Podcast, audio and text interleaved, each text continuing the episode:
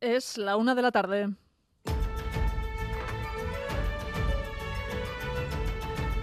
Crónica de Euskadi con Irache Ruiz.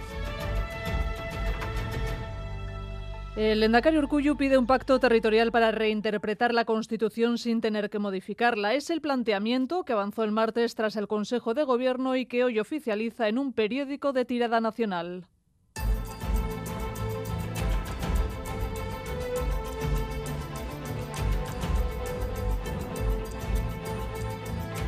A Rachaldeón, ¿qué tal? Ese pacto requeriría de un foro político e institucional con un claro objetivo, avanzar en el autogobierno vasco y en la plurinacionalidad del Estado. Y Manuel Manterola. Porque hay una cuestión sin resolver, apunta el Endacari, ¿por qué el Estado español no puede ser plurinacional? La Constitución del 78 pudo abrir una vía en ese sentido, pero Íñigo Urcuyu lamenta que no se haya ido más allá de una mera descentralización política y administrativa. ¿Cabe otra posibilidad? El Endacari así lo cree, pactando una reinterpretación de la Constitución que sin necesidad de reformas previas permita avanzar en el carácter plurinacional del Estado y el desarrollo del autogobierno vasco. Partido Socialista y Partido Popular ya han valorado la propuesta de Íñigo Urcuyu. El ministro de la Presidencia en funciones agradece la aportación que califica de legítima. El vicesecretario de Cultura del PP da portazo a cualquier iniciativa que plantee reinterpretar la Carta Magna. Escuchamos a Félix Bolaños y Borja Semper. Una propuesta muy legítima que yo valoro.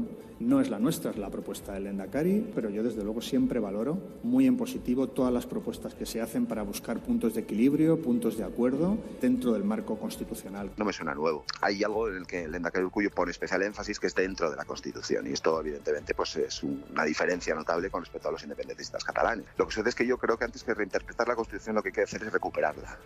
El día después de la nada fructífera reunión entre Feijóo y Pedro Sánchez, seguimos a la espera de conocer la agenda del candidato del PP, que no ha citado a ningún otro partido.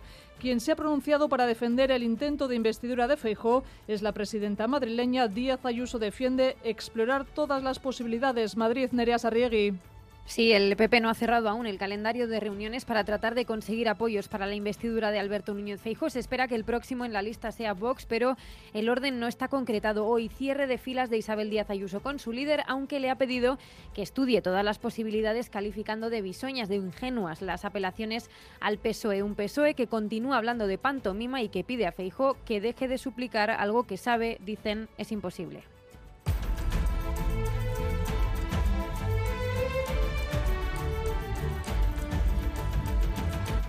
También les contamos que Educación pospondrá la reforma de la selectividad. La nueva prueba de acceso a la universidad, la EBAU, no se modificará hasta el curso 2024-2025. José Luis Fonseca. Informes jurídicos solicitados por el Ministerio de Educación que no avalan que un gobierno en funciones pueda aprobar leyes o reales decretos, salvo que obedezcan a cuestiones de extrema urgencia, el Ejecutivo ha decidido aplazar un año la reforma de la evaluación del bachillerato para el acceso a la universidad. La EBAU no habrá cambios. En la prueba de 2024, los previstos se posponen a 2025. Y ayer fue un gran golpe contra el narcotráfico en el norte, hoy operación policial contra la venta ilegal de angulas, en concreto Iker Zabala contra la comercialización de 18 toneladas de anguilas en una treintena de países. Sí, la Guardia Civil informa que ha intervenido más de 18 toneladas de anguila europea dentro del marco de una investigación internacional para la protección de esta especie. La operación está coordinada por Europol, han participado un total de 32 países, se ha saldado con un total de 256 detenidos a nivel europeo, 30 de ellos en el Estado español, además, informa la Guardia Civil, se habría procedido a la desarticulación de tres organizaciones criminales asentadas en Asturias y en Guipúzcoa, en concreto en Donostia.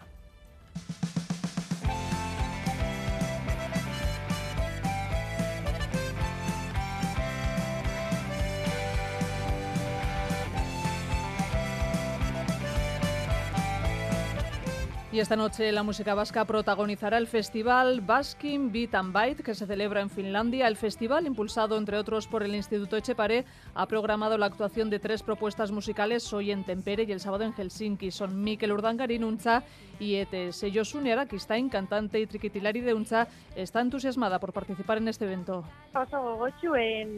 Partekatzeko euskeraz kantatzeko hemen Finlandia pixkat badalako en arraroa, edo bueno, euskeraz kantatzea, baina aldi berean hemen Finlandian berein hizkuntza dute, eta nik uste horrek eh, asko lotuko gaitu, gaitula bai musikoak eta publikoak karrek.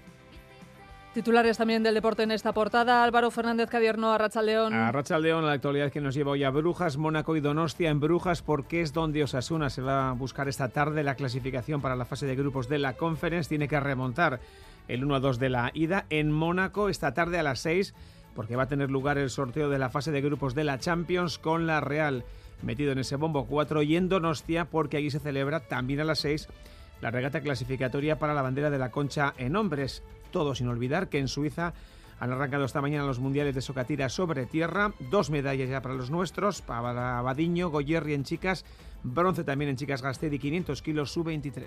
Ese partido de Osasuna, por cierto, en Radio Euskadi y también en ETV1 de esta casa. En cuanto al tiempo, mejora este jueves, suben las temperaturas, hoy alcanzarán los 30 grados de nuevo en Pamplona, será una de las máximas de la jornada, pero además han bajado las mínimas, sobre todo en el interior. Se impone el ambiente seco y veremos el sol en gran parte del país. El viento soplará más calmado y de dirección variable. A esta hora se registran 24 grados en Bilbao, 23 en Donostia y Bayona, 21 en Gasteiz también en Iruña. Raúl González y Jorge Ibáñez en la dirección técnica y Manuel Manterola en la coordinación. Comenzamos.